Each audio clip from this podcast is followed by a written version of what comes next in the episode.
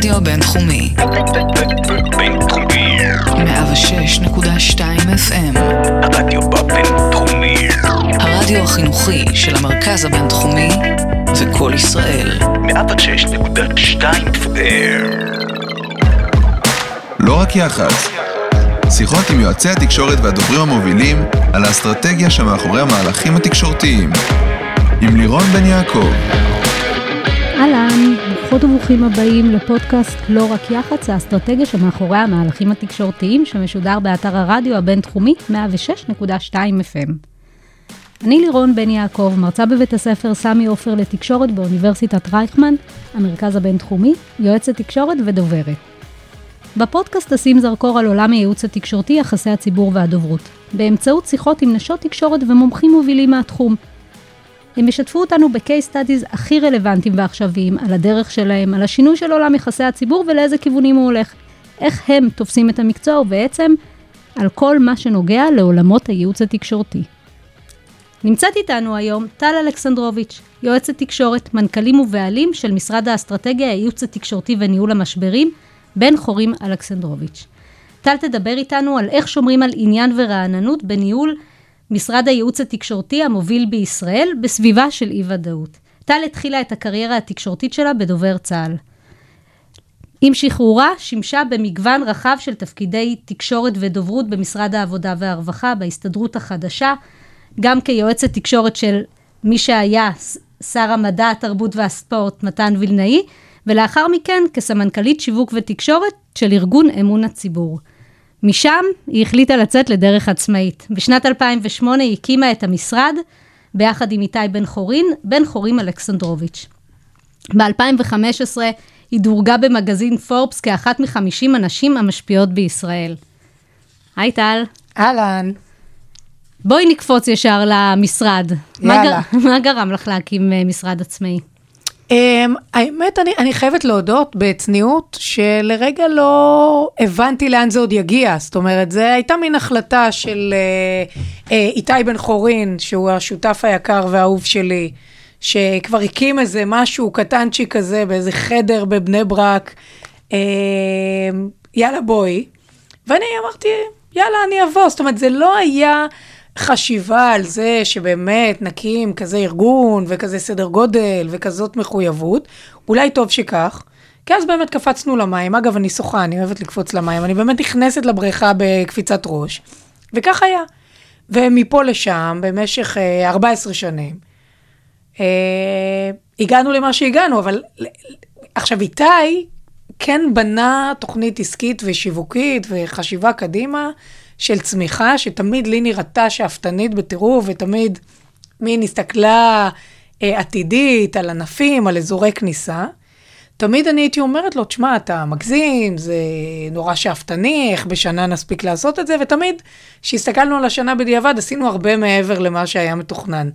אז אה, ככה זה התפתח לו. מי היה הלקוח הראשון שלכם? תתקרבי קצת רק למיקרופון כדי שנוכל לשמוע. אני לא זוכרת, לא, לא יודעת להגיד לך, אבל אני ממש זוכרת את תחילת הדרך כמסע של אה, בקשות והפצרות שיקחו אותנו, כי הגענו משום מקום, והיה צריך להסביר שאנחנו טובים במה שאנחנו עושים ונדע לנהל את זה. אה, אני זוכרת אה, אה, לקוח שהוא עד היום לקוח שלנו, אה, יקר ואהוב, את ארגון לתת. שהגענו שנינו, איתי ואני, וממש, אני זוכרת את השיחה עם ערן ויינטרוב, זה היה אחד הלקוחות הראשונים, אני חושבת, שהסברנו לו שיהיה טוב ביחד. והוא אמר לנו, תשמעו, כבר עבדתי עם המון משרדים, אה, לא טובים, אני לא הייתי מרוצה, אני, אין לי כוח לעוד מישהו שיבוא וילך, ואנחנו אמרנו, לא, לא, לא, זה יהיה בסדר, אנחנו נעבוד, ואנחנו עובדים איתו לדעתי שנים כל כך כל כך ארוכות, דרך עצומה ביחד. אבל אני לא זוכרת את השיחת מכירה הזאת.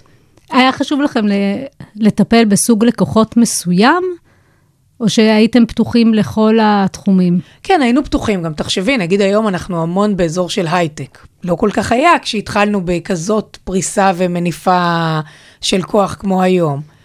עם השנים גם באמת נורא התפתחנו. היום אנחנו מאוד מאוד עסוקים uh, בכל העולם של שוק ההון וניהול משברים. Uh, בתחילת דרכנו היינו יותר באזורים שהם חברתיים ציבוריים. היום אנחנו בעצם פרוסים על כל הנושאים, ובעצם בכל אחד מהנושאים מפתחים בתוך החברה גם את היכולות וגם את האנשים אצלנו, שזה הפשן שלהם, והם בעצם מובילים את המחלקות ואת התחומים סביב הנושאים השונים.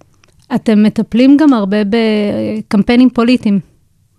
האמת לא כל כך הרבה, כמו שזה תמיד דברים נורא נורא בולטים.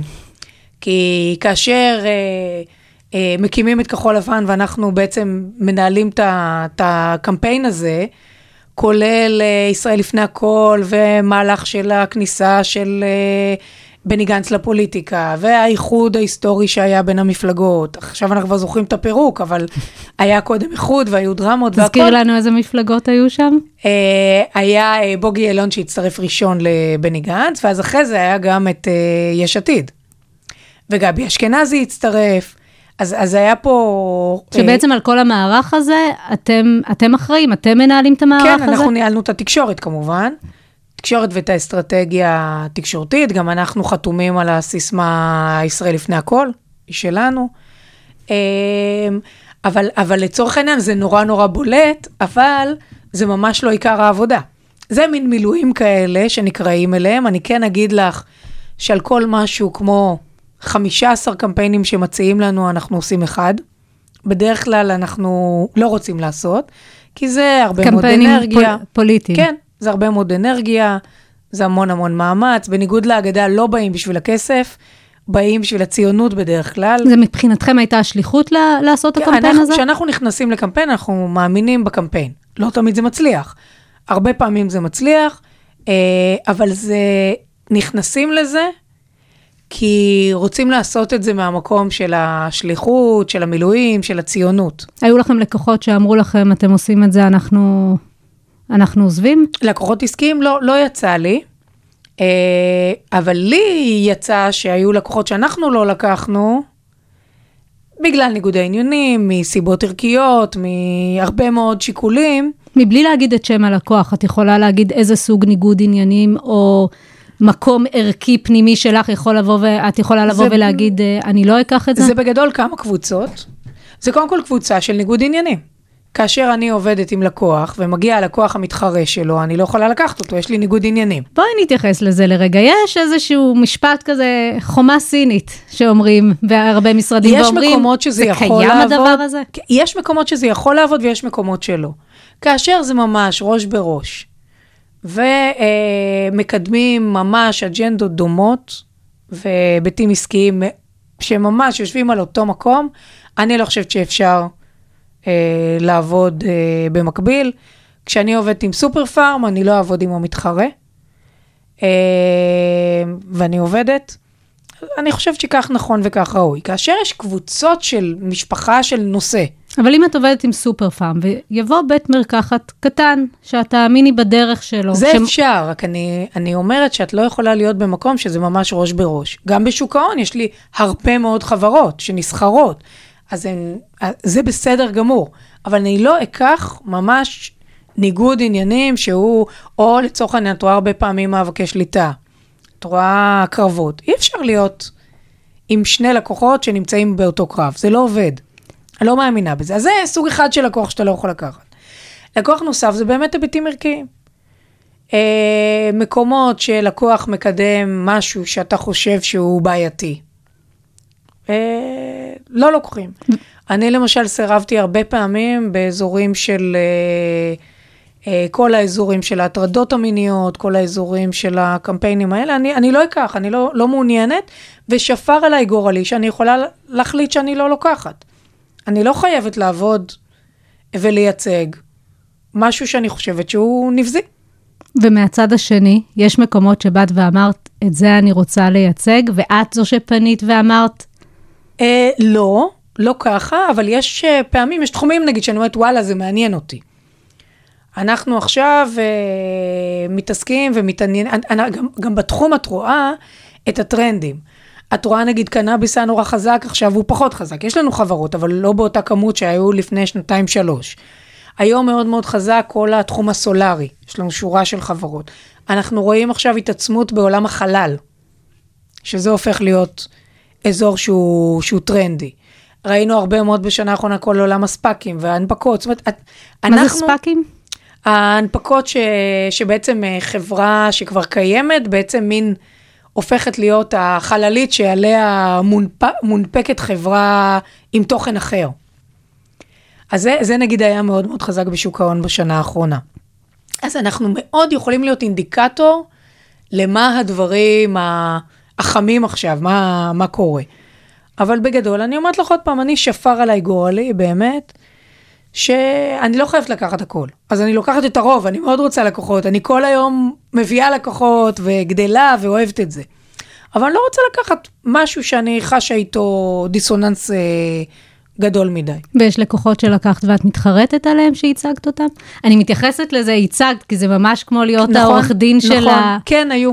היו, אה, היו לנו שגיאות בעבר, למדנו מהן. אה, והיום אני עוד יותר חדה. אגב, זה לא מבטיח ש... שאתה לא טועה, אבל ברגע שאתה טועה, אתה עושה cut the losses. מה עשית? עכשיו, עוד פעם, זה לא הרבה מצבים. הדברים האלה הם, הם לא קורים הרבה.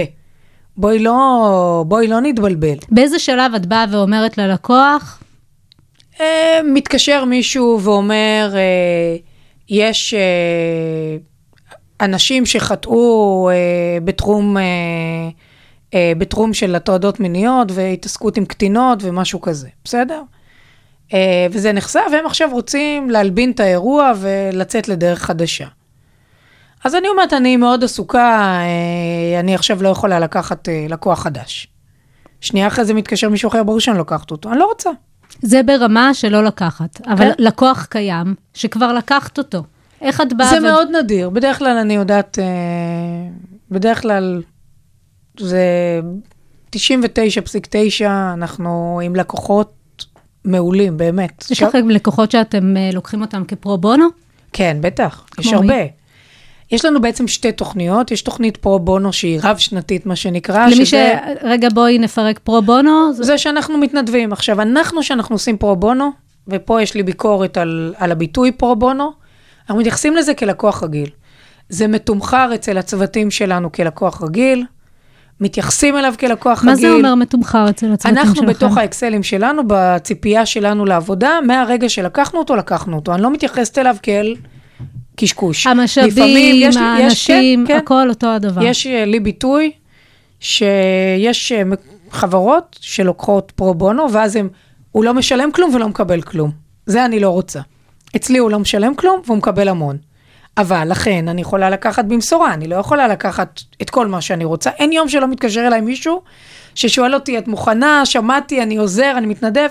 ואז אני אומרת, אני לא יכולה, כי אני כבר בתוך תוכנית מסודרת של הפרו בונו שלנו, אז היא עובדת בעצם. יש לנו אה, ארגונים שאנחנו עובדים איתם קבוע שנים ארוכות, זה זיכרון בסלון, זה ישראלי. זיכרון בסלון, תפרטי למי שלא זיכרון מכירה. בסלון זה פרויקט מדהים, שבעצם מייצר את, ה, אה, את הזיכרון הנוכחי של השואה, לקראת, זה, זה בשיאו לקראת ערב יום השואה, במפגשים בבתים, גם עם אה, ניצולים שמספרים את סיפורם, אבל גם עם בני משפחה וגם עם שיח סביב זה, ושירים וסיפורים. ומה חלקכם בתוך הפרויקט? אנחנו עושים את התקשורת ואת המיתוג של כל המהלך הזה. Uh, באמת פרויקט מדהים שמובילה עדי אלטשולר, שהיא אישה מדהימה, וגם בזכות ובדין הדליקה משואה ביום העצמאות. אז זה פרויקט אחד. חוץ מזה, אנחנו עובדים עם ישראליז, שזה גם פרויקט מדהים, שבעצם מייצר מצב שחיילים אחרי שחרור, ובכלל ישראלים שמסתובבים בעולם, הופכים להיות שגרירים, ומביאים את בשורת ישראל כמו שצריך לעולם. ואנחנו עובדים גם עם מחוסגן, שזה פרויקט של אה, רופאים ומתנדבים אחרים, של פעילות למען חיסונים. זה התחיל מעולם של חיסונים בגן. כשעוד לא הכרנו את הקורונה, עוד לא הייתה מילה כזאת, פעם חיינו בעולם כזה, שלא היה דבר כזה. אבל מתנגדי החיסונים תמיד היו. תמיד היו, ואנחנו בעצם פעלנו לזה שיהיו גנים מחוסנים, שהורה ידע שהוא שולח את הילד או את הילדה לגן, זה גן מחוסן, אפשר להיות רגועים, כאשר כל ה... איך אתם מטפלים בהתנגדות של הורים שלא מוכנים? הם- אנחנו מאוד באזור המדעי, אנחנו פשוט עם עובדות, עם נתונים מאוד מוצקים. אה, עולם החיסונים, יש עליו מדע פנטסטי, עובדות, מביאים אותן, אה, ובאמת יש שם אה, צוות אה, בעמותה הזאת של מתנדבים מדהימים. פרצה הקורונה, זה הפך להיות עוד יותר רלוונטי, עוד יותר חשוב, ואנחנו תומכים את כל המהלך הזה גם בתקופת הקורונה. אז תביני, זה ארגון שהוא פרו בונו, היה בסדר גודל מסוים, הפך להיות עוד יותר גדול בתקופת הקורונה מבחינת משאבי הזמן והעבודה והאנרגיה שאנחנו כחברה משקיעים. אנחנו מושקעים, אנחנו עובדים עליו כמו לקוח. יש לכם ממש תוכנית... אה, נכון, אז זה התוכנית. עכשיו, בתוך התוכנית הזאת, שהיא גם על שם אבא של אה, איתי, אבי בן חורין, זכרו לברכה, ואימא שלי עליזה אלכסנדרוביץ', ששניהם נפטרו באותו רבעון, אנחנו קוראים לזה רבעון המוות בבן חורין אלכסנדרוביץ', זה אגב הרבעון היחיד שלא צמחנו בו כחברה. היה רבעון מאוד קשוח. אז אנחנו בעצם מנציחים אותה דרך התוכנית הזאת, וחלק ממנה גם זה תוכנית מלגות. שימי לב שאני אומרת מלגות, כי אמא שלי הייתה מורה ללשון. אה, והתוכנית הזאת בעצם, אה, היא לוקחת סטודנטים. אגב, הבינתחומי לדעתי לא בתוך התוכנית, כי הוא לא עשה מאצ'ינג, או... אז סתם אני ככה זורקת לכם. אוקיי, שווה לבדוק את זה. אה, אבל בדיוק, שווה לבדוק, אנחנו נשמח, אנחנו מחפשים סטודנטים טובים ומוכשרים. הם בעצם מקבלים מלגת לימודים של לימודי תקשורת, הם הדור הבא, הם מקבלים גם שורה בקורות החיים שלהם, אה, שזה מאוד חשוב בתחילת הדרך. עמותות שנבחרות מקבלות שירות, מלוות על ידי אותו סטודנט, ואותו סטודנט נתמך על ידי יועץ תקשורת שלנו, שמלווה אותו ומלמד אותו שזה מקצוע. ווין ווין לשני הצדדים. שלושת. היועץ תקשורת שלנו נזכר כי הוא. מתנדב, ואנחנו עוזרים, אז זה כיף.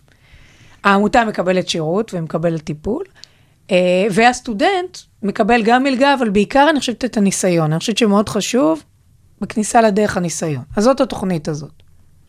היום אתם אחד ממשרדי הייעוץ התקשורתי הגדולים, אם לא המובילים בישראל, כן. נכון? איך אתם שומרים על רלוונטיות מקצועית? דיברת לפני כן על הטרנדים בעולם היח"צ. איך אתם, כל, איך את קמה כל בוקר ויודעת שאת צריכה להביא עוד לקוח ולהמציא את עצמך מחדש? אז קודם כל אני לא קוראת לזה עולם היח"צ, אני קוראת לזה עולם התקשורת. אני חושבת שהמילה יחסי ציבור, היא מורידה את מה שאנחנו עושים. אני אה, חושבת שאנחנו עושים גם אסטרטגיה תקשורתית וגם תקשורת, כי המובן הוא הרבה יותר רחב. אז ההתחדשות והאזורים שעליהם שאלת, שם באים לידי ביטוי. כי בעצם היום עולם התקשורת הוא מאוד מאוד רחב, הוא נוגע בהמון המון דברים. ואז באמת יש לנו צוות מאוד גדול, שהיום 52 עובדים, שעובדים במשרה מלאה בתוך החברה, ובעצם הם גם הם בתוך תחומים שונים. הם גם בתוך התמחויות נושאיות, וגם נתמכים על ידי מחלקות שהם ההתמחות שלהם זה דיגיטל, וזה עולם של שיתופי פעולה, וזה עולם של סטודיו, וזה עולם של וידאו, זאת אומרת, מביאים עוד אלה הרבה... בעצם המקומות ש... אלה בעצם התחומים של המשרד. ש- שתומכים את עולם התקשורת. ובעצם כל הכלים משרתים את, ה, אה, את העולם התקשורתי של הלקוח. לפעמים זה אייטם, לפעמים זה מהלך, לפעמים זה שיתוף פעולה, לפעמים זה סרטון, לפעמים זו תגובה, לפעמים זה אייטם שלא יופיע, לפעמים זה אייטם שיופיע. זאת אומרת, העולם הזה הוא כל כך מורכב, ובעצם יועץ התקשורת של היום, העכשווי, המעודכן, ככה אנחנו מכשירים את האנשים אצלנו, אנחנו מתייחסים ככה לעצמנו, חייב להיות מאוד מאוד רב גוני. כי הוא חייב להבין בעולמות שונים, גם של תוכן. כי גם מי שמתעסק אצלנו באזורים הכי הכי ציבוריים, חייב להבין ביזנס. וגם מי שנמצא בחזית של שוק ההון, חייב להבין היבטים ציבוריים. וגם מי שנמצא בתקשורת כאילו הרגילה, הוא חייב היום להבין דיגיטל. וגם מי שמכין את התוכנית התקשורתית הכי טובה והכי מסודרת, הוא חייב להיות ערוך למשברים ולשינויים ולהזדמנויות. אז איך זה עובד בעצם? אז הדינמיות היא עצומה. איך, איך זה עובד? בעצם ה, הלקוח מקבל תוכנית ותפיסה, שממנה נגזרת תוכנית עבודה ממש קונקרטית, ועליה מתחילים לקרוא את ההזדמנויות והשינויים והאתגרים. אבל יש לך יועץ שיש לו לקוח. לקוח מתחום הצרכנות, נגיד. אותו לקוח, יכול להיות לו משבר. אותו יועץ, ה-ongoing שלו זה צרכנות. איפה בעצם בא לידי ביטוי השילובים בין התחומי התמחויות השונים? אה, אז קודם כל, אצלנו בעצם כל המחלקות לגמרי עם יכולות וכישורים של uh, משברים. כי המשברים היום כל היום קורים. אין יום ואין מצב שאין מצבי משבר. זה, זה חלק היום מה, מאיך שעולם התקשורת מתנהל. יש, אה, ובטח בעולם הצרכנות, בעולם בואי הצרכנות... נגדיר משבר. אז זהו, זה, זאת שאלה. כי משבר יכול לנוע משאילתה, איזה לקוח לא קיבל שירות באיזה סניף. אתה- שאילתה מעיתונאי, או שאילתה שיכולה להיות גם בפייסבוק, לצורך נכון, העניין. נכון, אז אתה, זה, זה מינורי, זה דבר שקורה כל הזמן. יכול להיות משבר כמו אה, משבר בן אנד ג'ריס שניהלנו אותו לא מזמן, שהוא, שהוא תני לנו אה, בריף קצר על אה, המשבר. לאומי. אז לצורך העניין שמשבר בן אנד ג'ריס מגיע, הוא מטופל אצלנו במחלקה שנקראת CM, Crisis Management, היא ככה ממותגת והיא ככה, היא ככה עובדת. אבל לצורך העניין, המחלקה הזאת, גם בתוך ניהול המשבר, נתמכת על, הרבה, על ידי הרבה מאוד גורמי מקצוע בתוך החברה, ש, שמביאים הרבה מאוד ידע, שהוא לאו דווקא מתוך העולם הזה. זאת אומרת, הרעיון זה כל הזמן לתכלל וכל הזמן להכניס המון שכל, המון חשיבה והמון יכולות לתוך כל הכוח. אז כולם מדברים עם כולם תמיד. כל הזמן, כי אנחנו עובדים בצוות, אנחנו, זה התפיסה, זה הרעיון. מאיתי ואני, שכשותפים אנחנו צוות, אנחנו כל הזמן מתייעצים ביחד, אה, עובדים ביחד, ועד הצוותים עצמם, אנחנו, כל המבנה של החברה בנוי בצוותים. אז אין אצלנו מצב ש... אה, רק בן אדם אחד מטפל במשהו, אני חושבת שזה שגוי.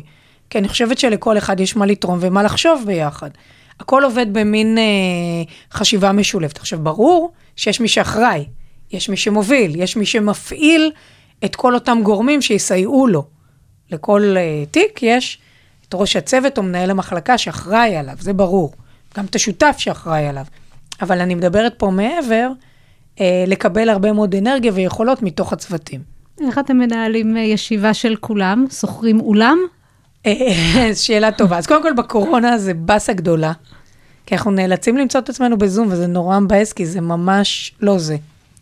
אבל בגדול, לחברה יש, אה, החדרי דיונים, יש בתוכם דלת כזאת שהיא דלת שאפשר להסיר אותה. אז כשאנחנו נפגשים כל החברה, אנחנו פשוט מסירים אותה, ואיכשהו נדחסים, זה הופך להיות מאוד מאוד קשה ומורכב. אתם עברתם משרדים עכשיו, או הגדלתם לא, את המשרדים? פשוט הגדלנו, שלכם? כן, אוקיי. עשינו עוד אגף חדש, אה, וגם גם כל ה...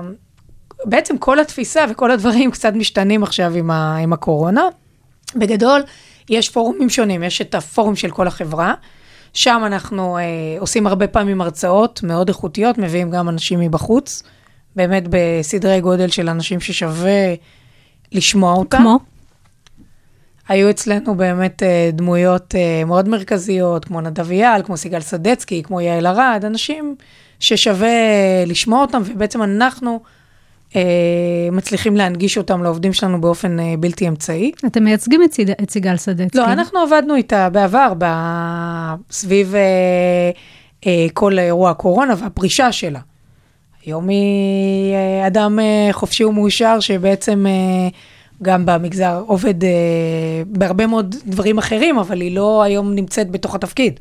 אבל כשהייתה בתפקיד, היה חשוב לך כאישה לעזור לה? היה חשוב לך כבן אדם, כפרסונה שהיא מילאה בתוך ה... איפה היה החיבור שלך, אם היה חיבור שלך תשמעי, קודם כל, ב...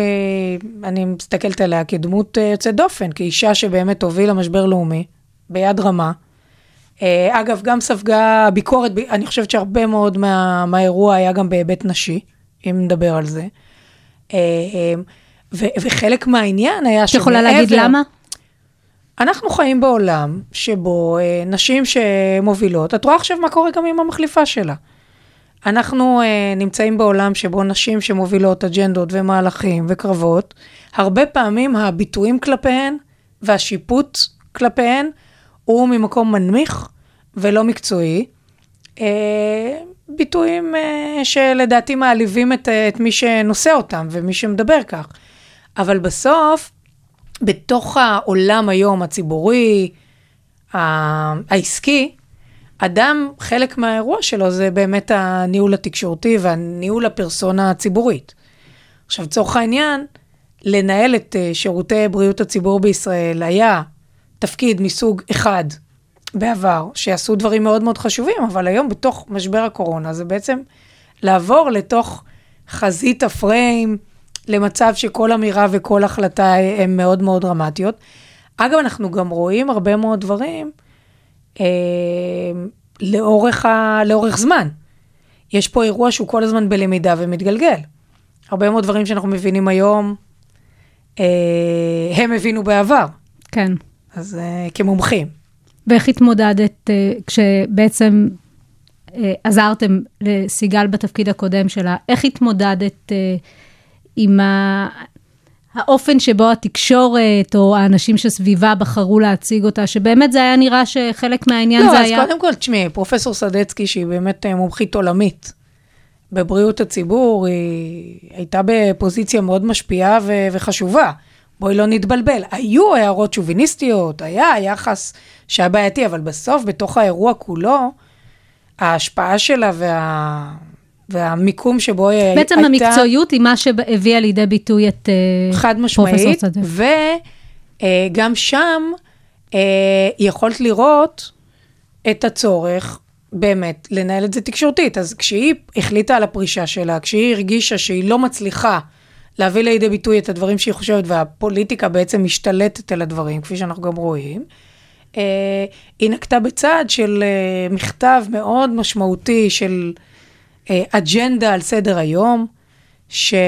שבאמת הביא לידי ביטוי את כל העולם המקצועי. אני חושבת שהמכתב הזה היום הפך להיות מין מסמך שחוזרים אליו, ורואים הרבה מאוד דברים שצפו פני עתיד, ו... אז, אז אנחנו עסקנו ב... ב... בעצם באסטרטגיה התקשורתית ובליווי של זה. אבל בסוף את המהלכים עושה הדמות עצמה. זה נכון, אגב, זה, זה חוצה אה, אירועים ומשברים ומהלכים. בסוף, תמיד אני אומרת ללקוחות, אני תלויה בכם. כי הלקוח צריך להיות במקום של יוזמה ועשייה והקשבה, וברגע שזה קיים, אנחנו, אגב, אפרופו מה שאמרתי לך על הצוות בתוך החברה, אנחנו, עוברים להיות, אנחנו הופכים להיות צוות עם הלקוח. זאת אומרת, בעצם עובדים ביחד. אתם כן. סביב השולחן של הלקוח. חד משמעית, ואם את שואלת אותי מה אטרקטיבי במקצוע שלנו, זה זה. מה אני אוהבת? אני אוהבת את זה שאנחנו חלק משולחן קבלת ההחלטות. ואתם משפיעים. מאוד. ואת נמצאת בשולחנות של קבלת החלטות מאוד מגוונים. תחשבי על היום שלי. אני נמצאת בעולם פיננסי, ובעולם של הייטק, ובעולם של משברים, ובעולם של אקדמיה. כמה לקוחות יש לכם? אה, באזור 150 לקוחות. וואו. כן, זה הרבה מאוד, זה, זה מוטת שליטה משמעותית, ופה בא לידי ביטוי כל האלמנט הניהולי. הכשרת המנהלים המעולים שלנו, שבעצם היום הם מחזיקים הרבה מאוד ממשקל הכובד. זה אנשים שהם כבר מאוד מנוסים, הם חברים, הרבה מהם גם, אה, היום אנחנו כבר, יש גם הנהלה בתוך החברה, הם נמצאים בפוזיציות שהם היום מנהלים הרבה מאוד אנשים והרבה מאוד השפעה. היום בתוך החברה יש לנו אה, מחלקות לא מעטות שהן בגודל של הרבה, משרד. הר, הרבה יותר גדולות ממשרדים אחרים. יש לי שאלה. 150 לקוחות, פלוס, מינוס. זה אומר המון המון תחומים, זה אומר גם הרבה כוח מול התקשורת. אה, אני, אני לא אוהבת להתנסח במונחים של כוח, אבל כן, יש אצלנו המון המון ידע וחשיבה ואייטמים. זאת אומרת, אין יום שאנחנו לא משפיעים על סדר היום. אז זה אומר שצריך לקחת אתכם בחשבון מול לקוחות מסוג כזה, בגלל הלקוחות האחרים. אני, לרגע... אני, לא, אני לא כל כך אה, אוהבת להיות במקום עוד פעם כוחני, ואני בסוף מאמינה בתוכן שיש לנו. יש לנו כמות תוכן עצומה, וכמות עשייה עצומה. אגב, גם אני הרבה פעמים, פתאום אני פותחת את המהדורה, ואני רואה אייטם שהצוות שלנו עשה. זאת אומרת, יש כל הזמן עשייה. עכשיו, כן יש חשיבה שהיא הרבה פעמים רוחבית, ומסתכלת, צופה פני, פני עתיד. אבל מעבר לה, יש גם uh, בהחלט, תשמעי, אני, אני חושבת שהיום המערכות אוהבות לעבוד איתנו. אוהבות לעבוד איתנו כי יש אצלנו הרבה מאוד עניין, אנחנו יודעים לבנות איתם סיפורים, ואייטמים, ותחקירים, ומהלכים, אה, וידע, ומידע שהוא גם אמין. אנחנו מאוד מאוד מקפידים על זה שאנחנו עובדים בטווח ארוך ובאמינות ובצורה מקצועית, אה, אבל גם כדאי להם, זה מביא רייטינג, זה מעניין, אנחנו יודעים להביא סיפורים מעניינים, יודעים להביא אנשים מעניינים, יודעים להביא את הדבר הראשון והדבר החדשני והמעניין וזווית שעוד לא ראו, בטח, כל הזמן. יש לי שאלה אה, מעולמות האסטרטגיה. יש תחושה שיש בעיקר יועצים אסטרטגיים. יש יחצניות, יש יועצות תקשורת, אבל כשמדובר בניהול אסטרטגי, אפילו כשנותנים את השמות הכי חמים, אין נשים. כאילו, ניסיתי לחשוב ביני לביני, ואת פחות או יותר, מבלי לרצות להחמיא לך, אבל זה כזה. את השם היחיד שעולה בראש. כן. אין, עוד, אין עוד יועצות אסטרטגיות, או שפשוט אנחנו לא מכירים אותן? אה, את מדברת על, אה, על נושא כואב מבחינתי? קודם כל, כמעט ואין. יש, אבל בודדות, אנחנו די בודדות, שלא לומר, אה, תיארת אה, תמונת מצב אה, אובייקטיבית. בטח בעולמות של הדברים המשמעותיים, בטח בעולמות של קבלת ההחלטות, בטח בעולמות של ניהול המשברים. זה לא בסדר, זה לא צריך להישאר ככה. אני, אחד מהדברים שאני עוסקת בהם ואני מתעניינת בהם ומדברת בהם, זה באמת להרחיב את היריעה של נשים שנמצאות בצמתים הללו. אנחנו צריכות לדבר על זה קודם כל, להבין שיש חוסר, להבין שאין סיבה שלא נהיה שם. עכשיו, כשאת את יוצאת- מסתכלת, מסתכלת על מבנה הענף, תסתכלי, בשלבים התחלתיים של אה, יועצי, יועצות תקשורת מתחילים, יש המון נשים. ואז לאורך השנים, אנחנו פורשות. יש איזה תהליך אנחנו שהעולם- פורשות, או שבוחרות תחומים שהם יותר אה, רכים? לא יודעת לענות לך, זה המון סיבות ביחד. אני לא באה בטענות גם לנשים שלא ממשיכות, אבל אני אומרת לך שהתוצאה היא עגומה. כל אחת יש לה סיבה אה, של משהו אחר שהיא בוחרת, של קשיים, של שלב בקריירה, של שלב בהורות. ואני פשוט רואה כישרונות נעלמים. זה כואב לי. אני, אני משתדלת בחלקת אלוהים שלי, אצלנו בחברה, להתעסק בזה, להקל על, ה, על אנשים לדבר על זה. אני חושבת שחלק מהעניין זה לדבר על זה. להגיד שיש את הדבר הזה. והוא חבל והוא עגום, כי אחרי זה אני חושבת שמצטערות. כי יש שלב בקריירה ש, שאסור לפרוש. צריך לעשות את ההתמדה, כמו ספורטאי שהוא מגיע ל, לקיר הזה במרתון והוא חייב לעבור אותו. אז גם לי בקריירה, היו שלבים שטיפה האטתי, היו קשים, ילדים קטנים. בנות כמה היו הבנות שלך כשהקמת את אה, בן חורין אלכסנדרוביץ'? אה, וואו, שאלה טובה, אני לא זוכרת, הן, הן היו קטנות, הן ממש היו צעירות, הן היו, אה, אני חושבת שבממש תחילת יסודי או גן, משהו כזה, מאוד קטנות, ועדיין, וזה היה מאוד קשה, ואני כן אגיד לך שהייתה לי המון המון עזרה. אני, חלק מההגעה שלי זה בת, במערכת תמיכה, גם של uh, בן זוגי וגם של משפחה וגם של לקנות בכסף. זה, זה דברים קשים ומורכבים. וגם אני אגיד לך עוד דבר, של ההבנה הנפשית שלי, את עצמי, שזה משהו שאני רוצה, אני משלמת עליו מחירים, אני משלמת אותם באהבה ובהשלמה, כי זאת הקריירה שלי, זה מה שאני אוהבת לעשות, זה, זה עתידי, גורלי, זה, בזה אני. עכשיו, ההשלמה הזאת, אני לא שומעת אותה מהרבה מאוד נשים. הרצון הזה והנכונות הזאת לשלם אה, את המחירים, כי הם כבדים. עכשיו, עוד פעם, אני לא אומרת בביקורת, אני רק אומרת שאת מסתכלת על הגברים ש... שבסוף מגיעים לאותם צמתים אל מול הנשים, אנחנו במיעוט. אבל יכול להיות שגם נשים פחות אוהבות להיחשף, הן נמצאות חלקן שם, אבל כשאני חושבת אפילו לא, על האולפנים, לא, כמעט ואין... לא, אני לא חושבת, אני חושבת שפשוט יש הרבה הרבה פחות, זה בא לידי ביטוי. תשמעי, מי שעוסקת בתחומים הללו, אין לה בעיה להיחשף, יודעת להתראיין, יודעת לדבר, עובדה שהיא הגיעה לכאלה מקומות. אז אני לא חושבת שיש עיוות באיך שזה משתקף באולפן, אני חושבת שיש עיוות במציאות. המציאות היא שאין כמעט נשים בתפקידי האסטרטגיה, בתפקידי ניהול המשברים, וזה המון עניין של מודעות. אני הרי שנים הייתי אישה בודדה בשולחן קבלת החלטות, הייתי ב... אני, אני מניחה שבאלפי ישיבות שהייתי בהן אישה יחידה סביב שולחן קבלת ההחלטות. לא שמתי לב לזה, זה נראה לי טבעי שאני שם. לא, לא חשתי בשום שלב שמישהו עצר אותי. היה לי טבעי להיות שם, אמרתי את כל מה שאני חושבת, התקדמתי, היה יופי. בשנים האחרונות אני בתוך המודעות. אני, כשאני יושבת ליד השולחן הזה, אני מודעת לזה שאני אישה בודדה. פעם לא ראיתי את זה. אז אני מסתכלת על זה, אני מנכיחה את זה, ואני אומרת לך שבכל מקום שאני יכולה, אני אה, תומכת את היכולת של נשים להתקדם בדבר הזה ולהתמיד בדבר הזה. אני גם ראיתי, אגב, שאני מרצה אה, כלפי יועצות תקשורת שהן בשלב יותר מתחיל בקריירה, הן ממש צמאות לשמוע את הדבר הזה שאפשר לעשות גם וגם. הן רוצות, הן מתות על המקצוע, זה מקצוע הרי מדהים, הוא מקצוע קשה, הוא מקצוע קשוח, הכל את יכולה להגיד. אבל יש פחד משתק של... ויש פחד משתק, ואני ממש ראיתי שרוצות שאני אגיד להם. שרוצ... אני, אני הרבה מתעסקת בזה. הן רוצות שאני אגיד להם שזה אפשרי, הן רוצות שאני אגיד להם, תשמעו, זה כמה שנים קשות, תתמודדו בשנים האלה, זה ישתפר. הן רוצות לשמוע את זה. זה נכון שכמעט, לא כמעט, אין נשים עם uh, בעלות מקצוע, יועצות תקשורת uh, עם ערך בוויקיפדיה, שאת האישה היחידה. אני אספר לך סיפור. אני, uh, מישהו עשה לי ערך, לא ידעתי. לא עניין אותי האמת, אבל מתי זה התחיל לעניין אותי?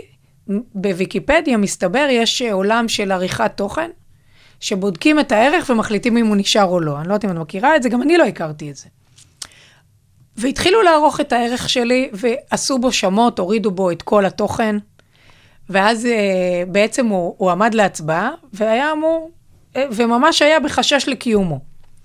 ואז התחילו לדבר איתי נשים שקצת מבינות בדבר הזה, ובעצם הסבירו לי שבודקים את ערכי הוויקיפדיה נשים מול גברים, המצב קטסטרופלי. אין כמעט נשים שזוכות לערך, ובאותו תהליך של בחינה, הנשים מועפות מוויקיפדיה באחוזים הרבה יותר דרמטיים מהגברים. מעניין, מעניין, אם יש יותר אורחים בוויקיפדיה מאשר אורחות. חד זה... משמעית יש. אגב, זה גם חלק מזה שאנחנו צריכות להיות במקומות האלה. אני, אני כל הזמן מסתכלת על עצמי.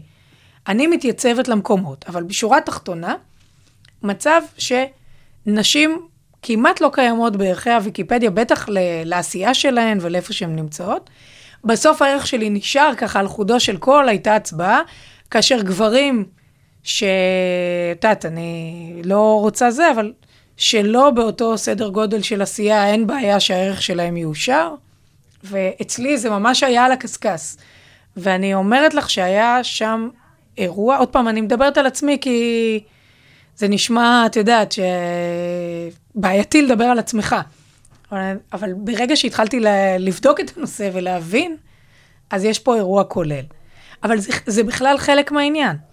זה חלק מזה שאנחנו צריכות להתייצב, להיות במקומות, להיות אורחות בוויקיפדיה, להיות יועצות להיות תקשורת ואסטרטגיה. להיות במקומות של קבלת החלטות. להיות, יש uh, משפט uh, מדהים של, uh, uh, וואו, עכשיו uh, ברח לי השם שלה, של המשפטנית, של רות ביידר, שאומר, נשים צריכות להיות איפה שההחלטות מתקבלות. יש לי חולצה כזאת.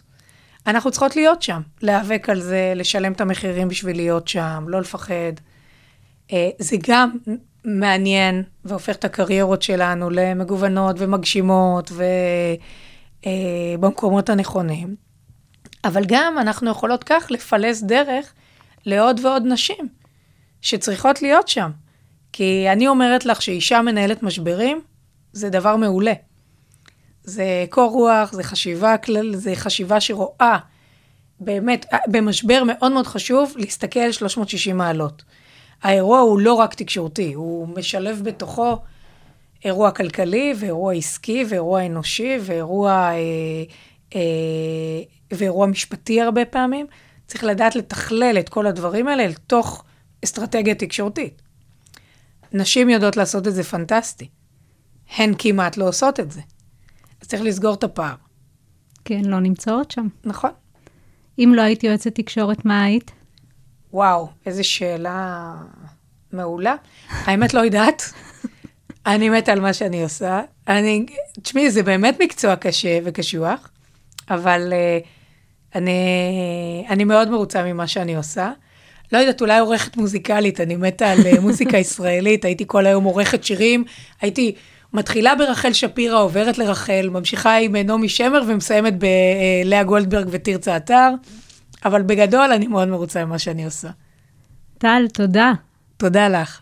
עד כאן לא רק יח"צ האסטרטגיה שמאחורי המהלכים התקשורתיים. תודה רבה רבה לטל אלכסנדרוביץ', יועצת תקשורת, מנכ"לית ובעלים של משרד האסטרטגיה, הייעוץ התקשורתי וניהול המשברים, בן חורין אלכסנדרוביץ'. תודה לאתר הרדיו הבינתחומי, 106.2 FM. אפשר למצוא אותנו באפליקציות הפודקאסטים, ספוטיפיי, אפל, גוגל פודקאסט ובאתר הרדיו הבינתחומי.